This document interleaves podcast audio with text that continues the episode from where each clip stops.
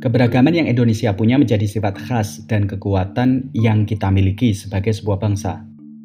Pendidikan berbasis pluralisme menjadi salah satu garda depan demi terciptanya rasa toleransi, meningkatkan nilai-nilai toleransi di tengah keanekaragaman perbedaan. Papan tulis berkolaborasi dengan Sri Kandi Lintas Iman, Srili, melalui seri khusus ini, mengajak pendengar papan tulis bersama-sama membangun narasi yang lebih baik tentang pendidikan pluralisme di sekolah. Melihat kembali konsep dasar, tantangan, potensi, peran guru, sampai peran perempuan dalam pendidikan pluralisme di sekolah.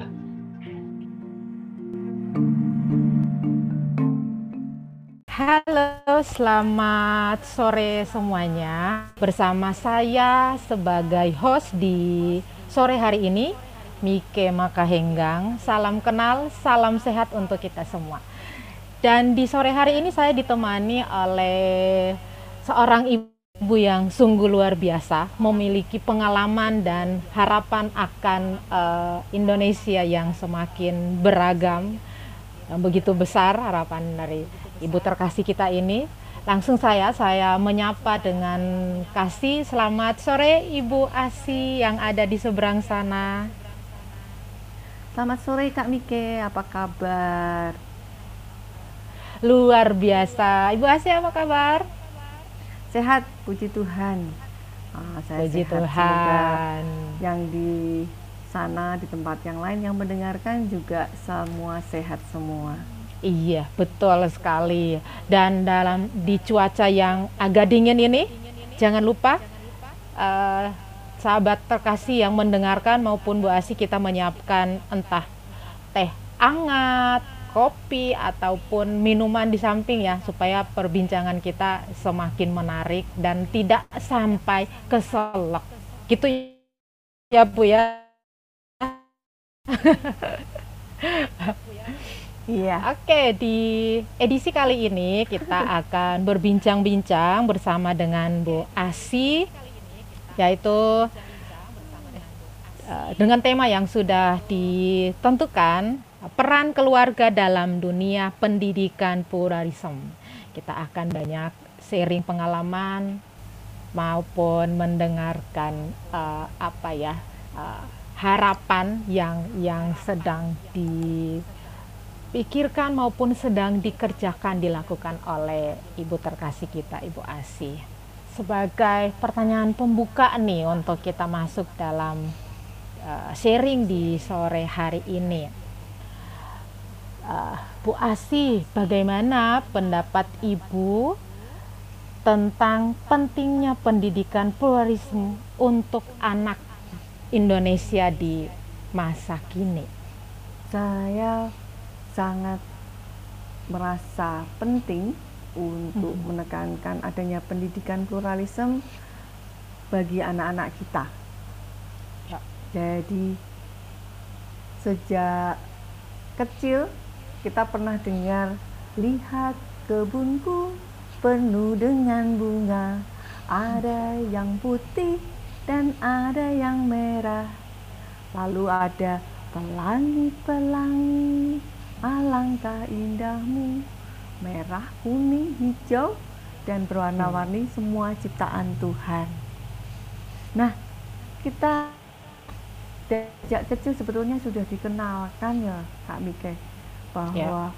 uh, warna-warna so indahan di sekitar kita kebun itu kalau bunganya cuma mawar tok juga nggak nggak bagus tapi mm -hmm. ada banyak ya colorful itu sangat menarik jadi iya. sebetulnya kita ini dari sejak sejak kecil itu sebetulnya sudah sudah diajak untuk melihat yang beraneka ragam nggak nggak seragam jadi ya. uh, makanya bagi bagi kami itu pendidikan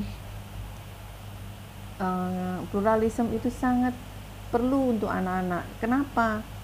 Karena kembali nih kalau kita ini manusia ciptaan Tuhan, ada nggak sih yang sama? Saya hmm. dengan suami saya juga sudah berbeda. Hmm. Saya dengan anak-anak juga sudah berbeda. Walaupun kami satu darah tapi karakter itu tetap ada yang ada yang yang beda lah. Jadi uh, semua diciptakan Tuhan itu unik. Nah untuk itu uh,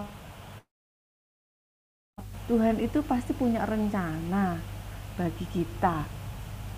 Yang manusia ini diciptakan Tuhan berbeda-beda uh, untuk apa sih nah makanya ke kesadaran adanya kemajemukan itu kalau menurut saya sangat menarik untuk ditularkan.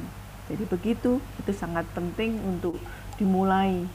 Ya kita mulainya ternyata juga itu sudah diajarkan oleh uh, apa Busut ya atau ya. Pak Kasur tentang lagu-lagu itu. Jadi uh, memang sejak kecil sebetulnya warna itu perlu.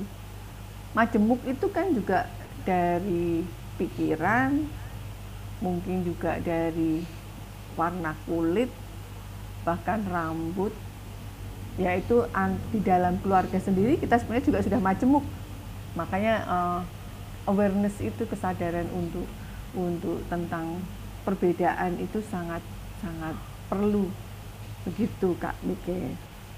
Oke, terima kasih untuk uh, apa ya pemula kita tentang apa sih yang yang menjadi harapan dan sepenting apa sih pendidikan pluralisme itu untuk anak-anak kita. Sejauh ini uh, ibu terlibat di uh, pergerakan apa atau mungkin punya satu uh, apa ya komunitas yang bergerak ke arah situ? Kita berkenalan dulu nih dengan dengan aktivitas yang dilakukan Bu Asi sehari-hari. Mari Bu. Ya, saya ini ibu rumah tangga. Eh, anak-anak uh, saya sudah besar.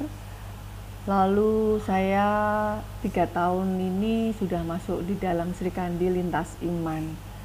Dari situ bersamaan dengan saya masuk di Sri Kandi Lintas Iman itu saya juga mendapat kesempatan untuk mengelola sebuah PAUD. Namanya PAUD Meraih Bintang di Yogyakarta Mengapa saya kemudian bergerak di PAUD? Karena pengalaman saya sebagai ibu rumah tangga yang diperbolehkan menemani anak-anak uh, selama mereka masa sekolah dari kecil, dari usia PAUD sampai SMA, kok ada aja gitu loh, saya punya kesempatan ya. Jadi masuk di di PAUD itu saya ingat pertama kali saya protes dengan dengan apa kepala sekolahnya. Karena saya sudah bayar kenapa anak saya cuman masuk di tempat pasir nuangin botol nuangin pasir di dalam botol setiap hmm. hari begitu aja. Padahal di situ banyak sekali uh, apa uh, tawaran kan pojok-pojok itu. Lalu waktu itu dia uh, uh, kepala sekolahnya cuma bilang kami hanya bisa menawarkan tapi bahwa anak itu pengennya di mana ya itu biarkan saja anak itu belajar di situ. Ibu hari ini lihat okay. itu berapa? Dia hari ini belum bisa menuang dengan baik. Lalu beberapa uh, berapa minggu kemudian bagaimana bu? Iya sekarang dia sudah mengatakan bahwa pasir itu adalah minyak. Ternyata ketika dia dibebaskan untuk memilih melihat sesuatu yang banyak begitu beraneka ragam itu uh, kreativitasnya muncul gitu. Nah, hmm. kemudian uh, ada anak saya yang ketiga waktu itu sempat sampai memilih sekolah sendiri masuk ke masuk ke TK itu nggak mau ikut kakaknya itu. Terus saya hanya waktu itu melihat bahwa oh iya sekarang kalau anak masuk SD harus belajarnya seperti itu masa TK itu masa yang menyenangkan jadi hmm. akhirnya saya membiarkan oke kamu masuk di situ. Lalu uh, banyak sekali yang kemudian saya kemudian masuk uh, menjadi uh, apa ketua ketua di orang tua murid di kelas di sekolah negeri itu. Waktu itu anak saya di sekolah SD SMP lalu kemudian saya bisa di komite. Jadi saya melihat bisa mendampingi anak-anak di dalam perkembangan bahkan sampai bisa melihat teman-teman anak-anak saya yang di asrama. Waktu itu anak-anak saya ada satu yang kemudian bisa sekolah di Vandit bersekolah di asrama. Jadi saya melihat bagaimana peran uh, keluarga dalam pembentukan hmm. karakter anak-anak. Itulah makanya kemudian saya uh, bergelut di di apa di di lintas iman dan kemudian mempunyai mimpi itu mulai dari uh, pem, pembangunan karakter dengan mendirikan PAUD meraih bintang. Begitu Bu Kak Mike? Ya, terima kasih untuk uh, sharingnya. Ternyata Bu Asi adalah seorang ibu rumah tangga dan juga guru di PAUD Meraih Bintang. Dari namanya saja sudah memberikan harapan yang besar ya. Dan kiranya bintang-bintang itu kemudian bisa menerangi uh, orang ataupun kehidupan di sekitarnya. Uh, Bu Asih di masa pandemi ini kan kita tahu betul bahwa anak-anak kita kemudian kembali ke keluarga belajar didampingi orang tua uh, beraktivitas dan yang lainnya tuh semuanya ada dalam lingkup keluarga sebagai uh, pengalaman dari Bu Asi baik sebagai seorang ibu maupun seorang pendidik di anak-anak PAUD uh, model atau praktek edukasi apa sih yang bisa digunakan yang biasa digunakan untuk menanamkan dalam hal ini pendidikan pluralisme untuk anak-anak di usia dini? Uh, satu yang saya saya selalu ajak itu adalah orang tua untuk mau meluangkan waktu sehari 30 menit.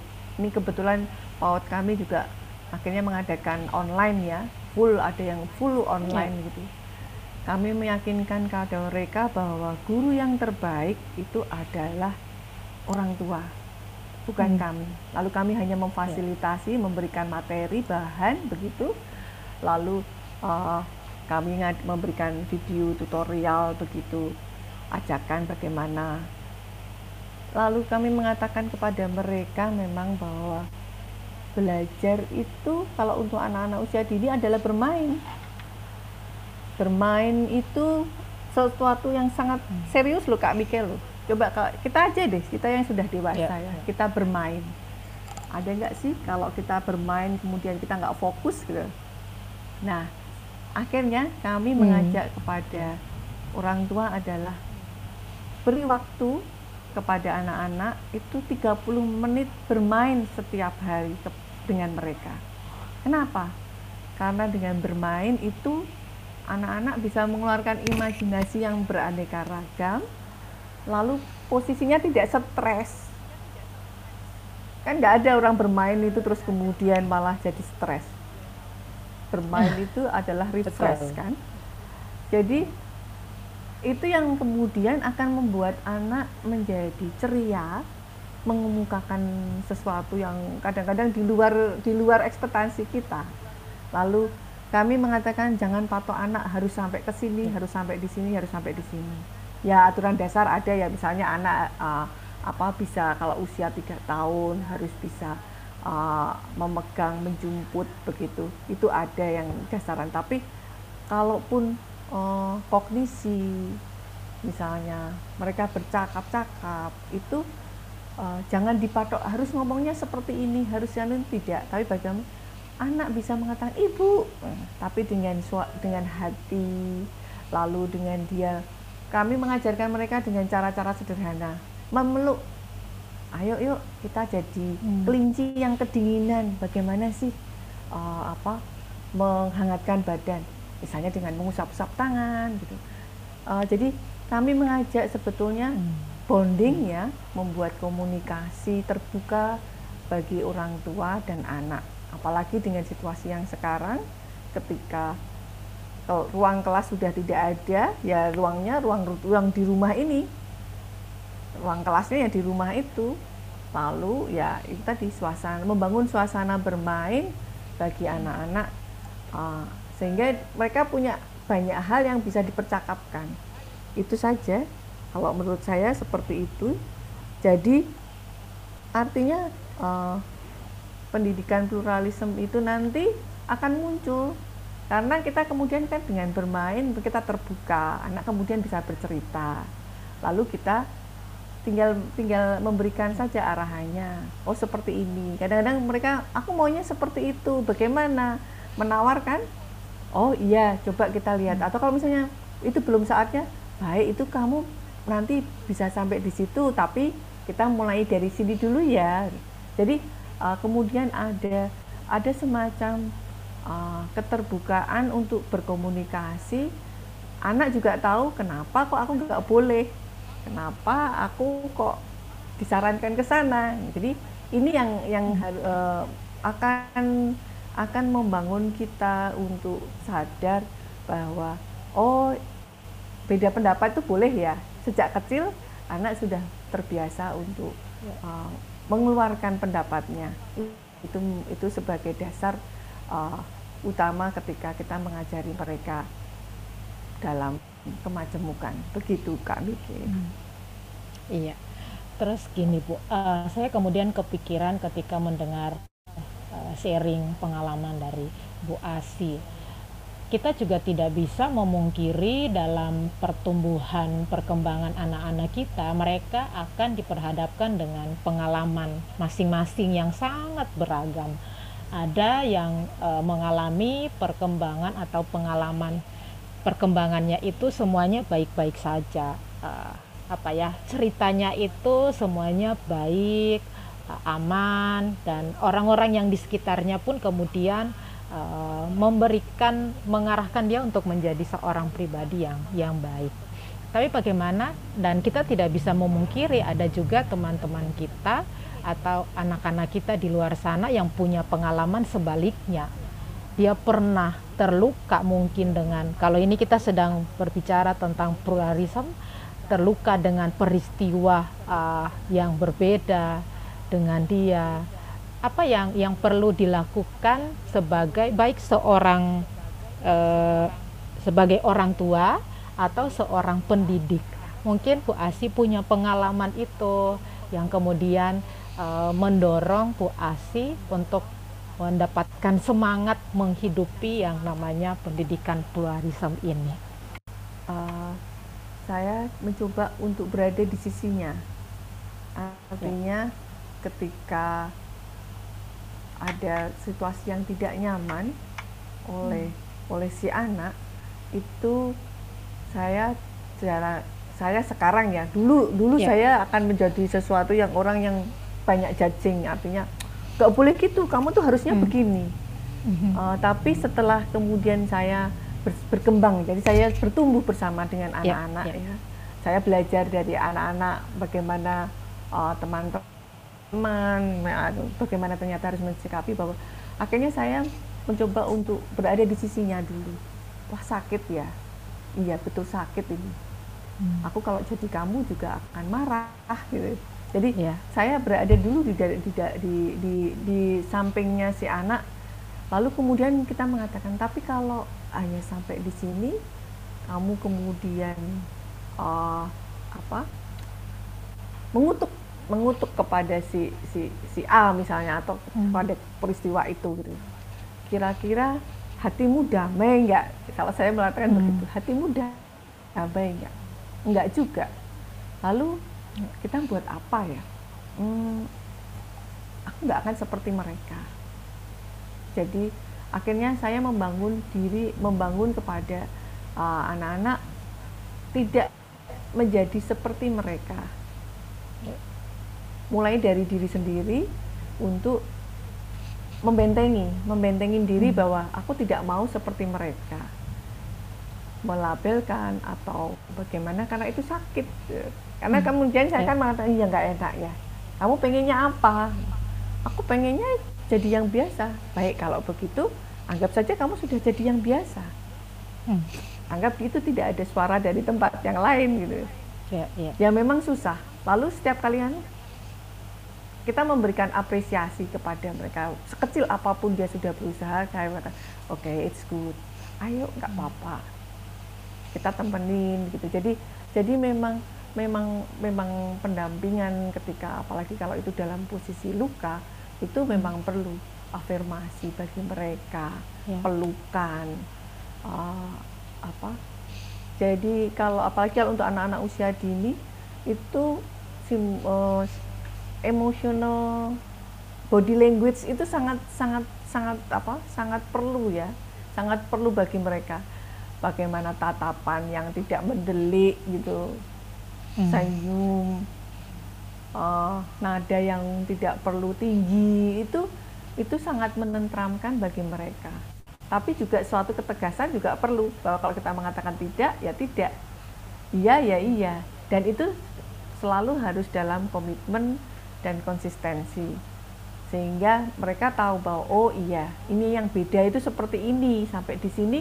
Karena setiap kali aku sampai di sana kok ini selalu pernyataannya begini. Jadi anak kemudian melihat niteni begitu. Hmm. lalu oh seperti ini. Oh ini baik ya. Oh kalau ini caranya menghargai seperti ini. Oh berterima kasih. Setiap kali diberi berterima kasih. Karena itu dibiasakan maka anak itu akan merasakan bahwa oh yang ini ini apa diterima. Oh yang seperti ini ini kurang menjadi sesuatu yang menyukakan hati seperti itu hmm. Kak Mike. Iya. Dan e, menarik yang tadi Bu Asi katakan berada di posisi mereka selain e, memberikan dukungan, berikan apresiasi ketika mereka menghadapi atau mengalami satu peristiwa yang yang e, tidak menyenangkan, mungkin kita juga berikan waktu atau berikan mereka ruang untuk untuk menangis ya. Iya betul. Uh, karena anak laki-laki nggak boleh nangis nanti cengeng kalau gitu ya itu kan juga iya, akan betul. membatasi ya. ya.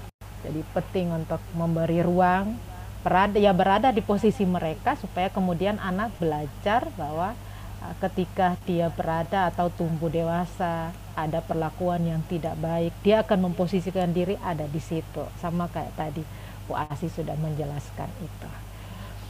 Oke. Okay. Uh, jadi ada ya. begini Kak Mike, ada ya. ada juga kalau kita memberikan ruang kepada mereka, kita kan sudah mengajak mereka bicara. Itu juga ya. akan memberikan kemampuan mereka untuk speak up. Mm -hmm. Ya. Jadi mereka juga akan bisa mem mempunyai kekuatan keberanian untuk hmm. untuk berjuang to fighting hmm. gitu ya.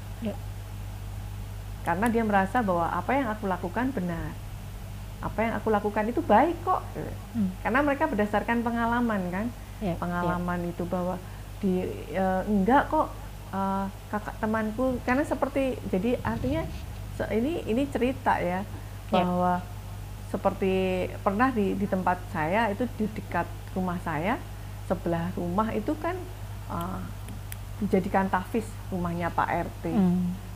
Kami sebetulnya sebetulnya terus terang ini merasa ketakutan. Waduh, ini mesti aduh nanti banyak sekali pengajian keras sekali gitu, sangat hmm. mengganggu gitu. Uh, sempat waktu itu sampai uh, suami saya bilang, wah kita keluar aja. Tapi tidak tahu. Ternyata ada rencana lain di situ. Jadi kebetulan waktu itu Pak RT-nya itu menemukan anjing, anjing Pak RT ini muslim karena dia tidak bisa apa memelihara di dalam rumahnya. Akhirnya hmm. itu dibiarkan dimintakan tolong untuk kita memperbolehkan uh, tidur di teras kami. Lalu anak-anak yang di belajar uh, Quran di situ, baca Quran di Tafis itu kan juga namanya anak-anak pasti seneng dengan binatang ya tapi mereka tidak tahu caranya mereka kemudian memanggil anjing itu dengan melempari batu lalu ambil apa tongkat itu pagar dipukul-pukul sehingga anjingnya kemudian kan jadi ganas gitu ya. nah uh, kemudian ada yang kemudian nyeletuk juga eh awas loh kamu kalau kena kejilat anjing itu kamu jadi Kristen loh hmm. ternyata itu menjadi menjadi bagian bagi kami untuk kemudian bercerita. Saya ya. bilang enggak saya juga orang Kristen tapi kalau saya dijilat anjing ya saya mesti cuci kaki. Kenapa? Hmm. karena anjing itu juga kotor. Jadi saya harus menjaga kebersihan saya. Saya juga cuci kaki. Makanya kenapa kamu kalau kejilat anjing harus cuci kaki itu salah satunya juga karena untuk kebersihan lalu saya bilang lalu kamu mau mau kenalan dengan anjingnya? Boleh tapi nggak usah pakai melempar-lempar batu. Kamu cukup panggil saja. Milo Milo kalau kamu memanggilnya seperti itu dia akan datang. Lalu saya diajarin gitu. Ternyata kemudian anak-anak ini jadi cinta. Oh caranya seperti itu ya? Caranya hmm. menyapa anjing itu seperti itu. Lalu kami malah menjadi uh, bersahabat dengan dengan si anak ini. Kemudian anak ini juga bisa bercerita kepada orang tuanya. Ternyata nggak jadi Kristen loh.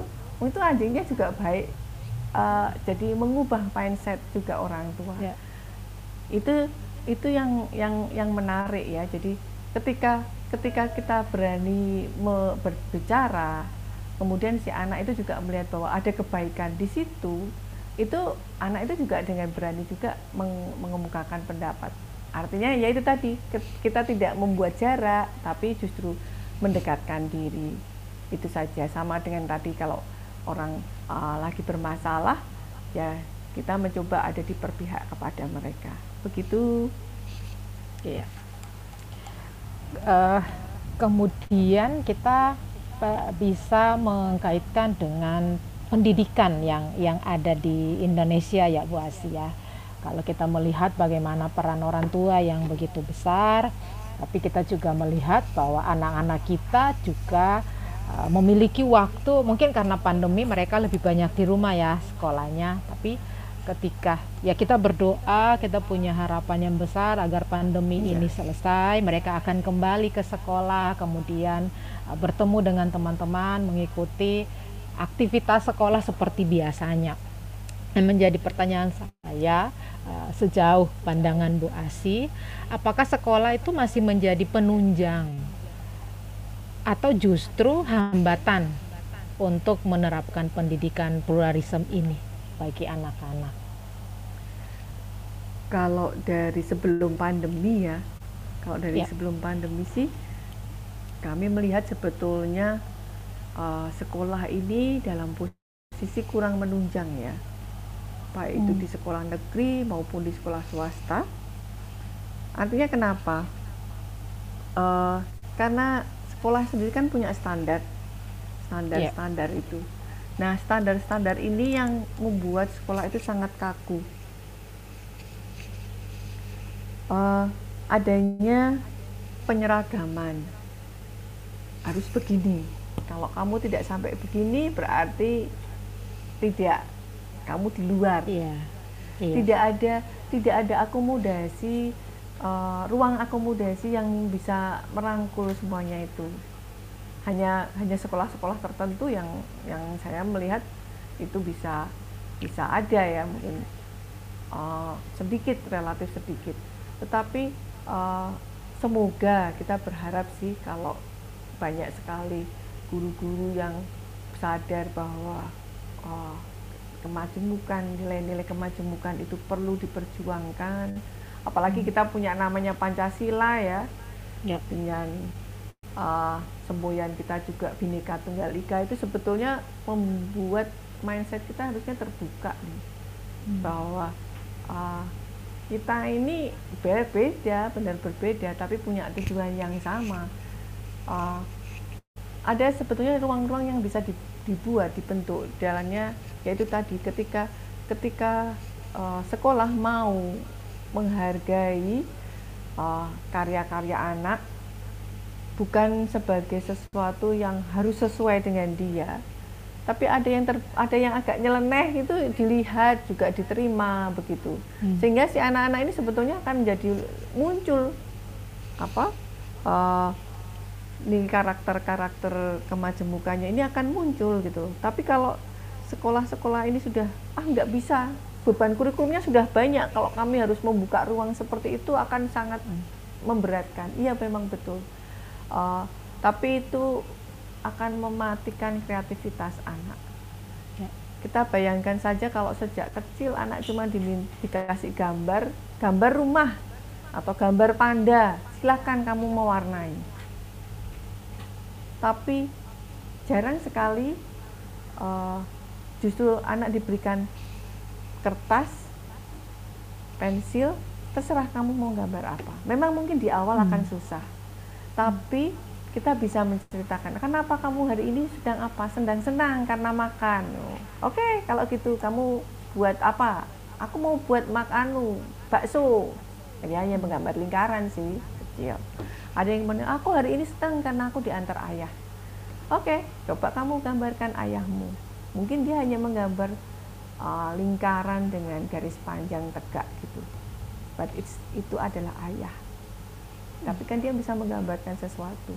Nah, ini yang yang yang ruang-ruang ini yang yang jarang di, di, diadakan oleh sekolah terutama yang di, ada di bawah ya. Kalau di bawahnya ini sendiri sudah dibuat seragam semua sama. Pokoknya sekarang hmm. menggambar uh, gunung, gunung warnanya ya hijau, nggak hmm. hijau ya salah gitu. Padahal kadang-kadang yeah. ya kalau kita lihat kan gunung abu-abu gitu. Iya. Yeah. Atau gunung itu harus segitiga gitu. Lah kalau dia adanya tidak di tempat yang anu kan dia tidak melihat itu sebagai sesuatu yang segitiga. Tapi hmm. perspektif itu yang yang yang sudah sudah terlanjur di di apa? Dibuat mata kuda gitu apa? kacamata kuda ya. Sehingga saya melihat bahwa memang cukup sulit ini uh, bahwa pluralisme ini dibawa ke sekolah. Memang yang yang utama sebetulnya mulai dari kesadaran orang tuanya lebih dahulu. Orang tua. Iya, dan uh, orang tua juga ada ada yang sebagian berprofesi pengajar ya Bu Asia. Harusnya kemudian uh, ya memang memang memang untuk memberikan ruang kepada kemajemukan itu memberikan usaha yang ekstra ya.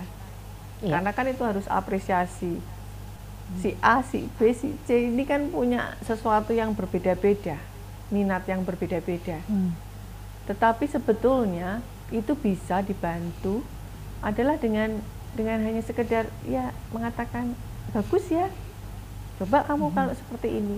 Nanti anak ini bergerak sendiri sebetulnya dia mencari meluangkan itu hanya kita tinggal ini saja oh yang ini ini minatnya di sini yang ini minatnya di sini yang ini minatnya di sini lalu uh, ya ya sudah kalau anaknya itu minatnya di A ya jangan kita kemudian memaksa dia harus bisa apa uh, sempurna ketika dia yeah. di kemampuan yang di C gitu.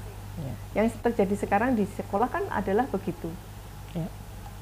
Nah ini yang yang sebetulnya sangat sangat uh, apa menyusahkan ya.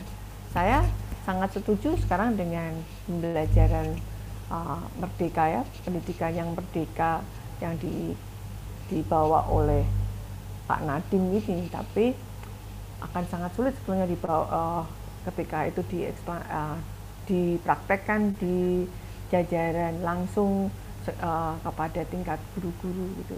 Kalau uh, tuntutan-tuntutan dari penilik sekolah, tuntutan dari uh, apa administrasi harus seperti ini itu, ya nggak jadi lagi.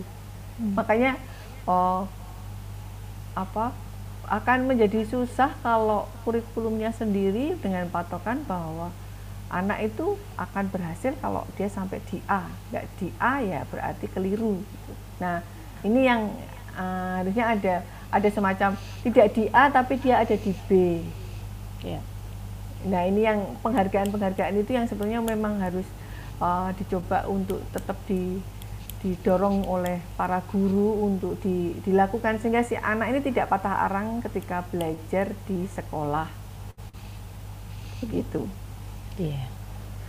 Saya kemudian mendapatkan satu kata kunci sih dari penjelasan Bu Asi tadi selama ini uh, pendidikan kita selalu berusaha untuk menyeragamkan kita. Maka ketika kita berusaha untuk melakukan suatu yang beragam, menunjukkan bahwa keberagaman itu indah, itu akan membutuhkan satu kerja ekstra sama kayak Bu Asi ngomong tadi. Karena sejak awal kita sudah ditunjukkan yang yang benar tuh yang begini, yang dikatakan sukses tuh yang begini, yang dikatakan anak pintar itu ya ketika dia pintar dinilai ini. Kalau dia pintar dinilai ini dia belum belum pintar. Jadi harus seragam nih.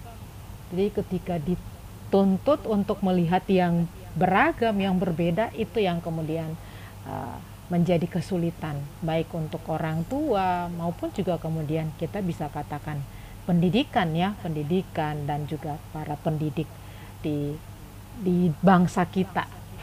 Tapi kemudian semoga uh, ada para pendidik di luar sana yang mendengarkan uh, bincang-bincang uh, kita ini supaya kemudian semakin bersemangat untuk menyuarakan semangat pluralisme untuk uh, pertumbuhan, perkembangan pendidikan kita di Indonesia ya gitu ya Bu Asia amin ya amin amin oke okay, ya, kemudian artinya kita ya. bawa ya. ke proses ya jadi artinya ya, adalah penghargaan pada proses anak ya. itu kan sudah berusaha betul. selama dia sudah berusaha beri dia apresiasi mm-hmm. maka dia ya. akan mengusahakan lagi sama kan sebetulnya kalau kalau kita dengar ceritanya Thomas Alva Edison dia berapa kali percobaan hmm. dari kegagalan itu dia mendapatkan sesuatu yang berhasil Nah, jarang sekarang ini adalah orang lebih banyak melihat hasilnya. Kamu bisa baca tulis, nah berarti kamu hebat. Hmm. Tapi untuk sampai dibaca tulis yang anak itu bisa membaca dan menulis dengan betul, itu kan butuh butuh cara. Nah, cara ini yang yang justru tidak di tidak di apa?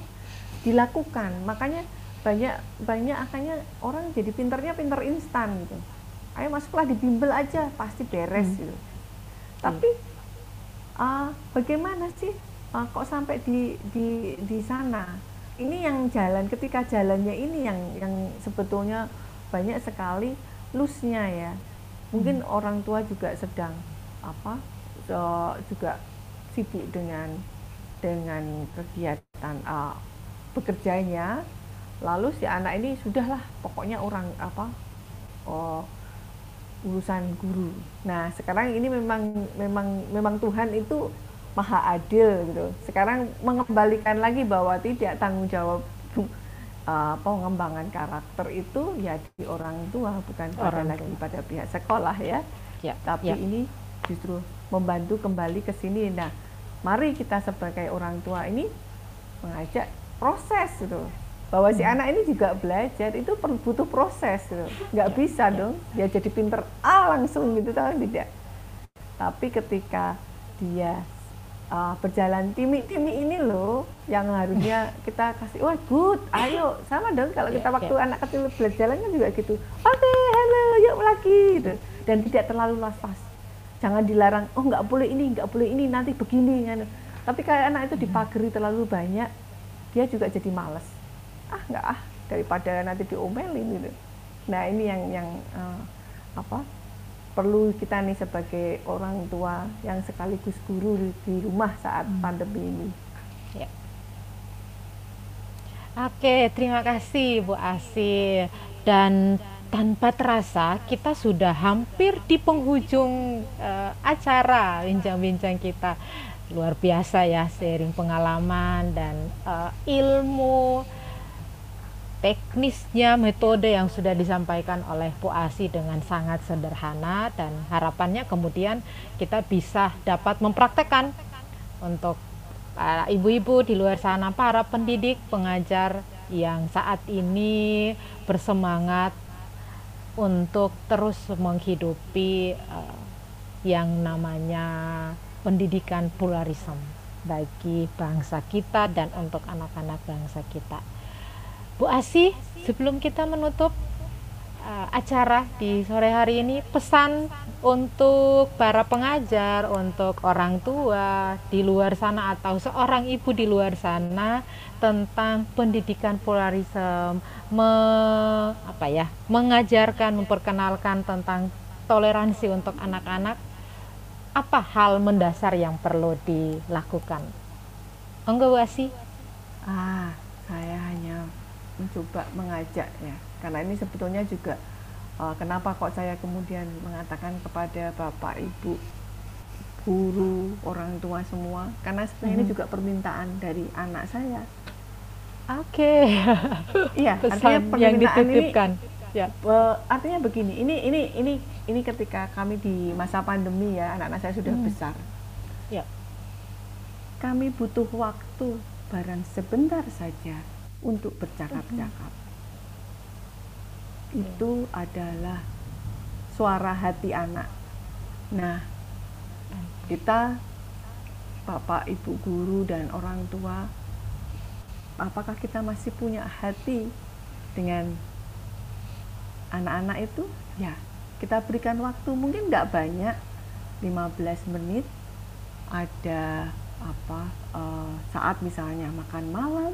Kalau ini sekarang work from home semua sibuk dengan apa ada harus zoom ada belajar sendirian hmm. ada satu waktu tertentu uh, ketika kita membuka ruang untuk bercakap-cakap untuk mencoba sekedar mengatakan aduh aku capek hari ini mah makanannya bisa nggak besok ganti menu hanya sekedar hmm. anak bisa mengungkapkan itu itu ya. akan menambahkan pada yaitu tadi pendapat berbeda pendapat itu indah mulai dari situ kita menyadari bahwa aku kamu berbeda tapi kita hmm. bisa jadi satu meja makan malam bersama hmm. bercakap-cakap bergembira bersama jadi hmm. beri waktu entah 15 menit, 30 menit. Mungkin kalau yang saling berjauhan ya bikin video call, mau sekarang uh, ya. apa sarananya ada. Itu saja sebagai langkah awal ketika kita mau membangun pluralisme bersama Hai. berkomunikasi. Itu saja. Oke, Terima kasih Bu Asi, tepuk tangan untuk kita semua, ya, para pendengar luar biasa. ya. Dan kita percaya dengan memberikan waktu untuk orang-orang yang kita kasihi, sebenarnya kita sedang menitipkan uh, hal-hal uh, baik, ajaran-ajaran baik untuk mereka. Bukan hmm. tentang seberapa lamanya ya, tapi kualitas dari waktu yang kita berikan untuk orang-orang terkasih. Dan Selamat terus menghidupi semangat pluralisme karena Tuhan menciptakan kita berbeda dan di dalam perbedaan itu kita akan terus belajar mengasah diri kita untuk menjadi pribadi yang semakin baik. Sekali lagi terima kasih Bu Asi Sama-sama, untuk waktunya.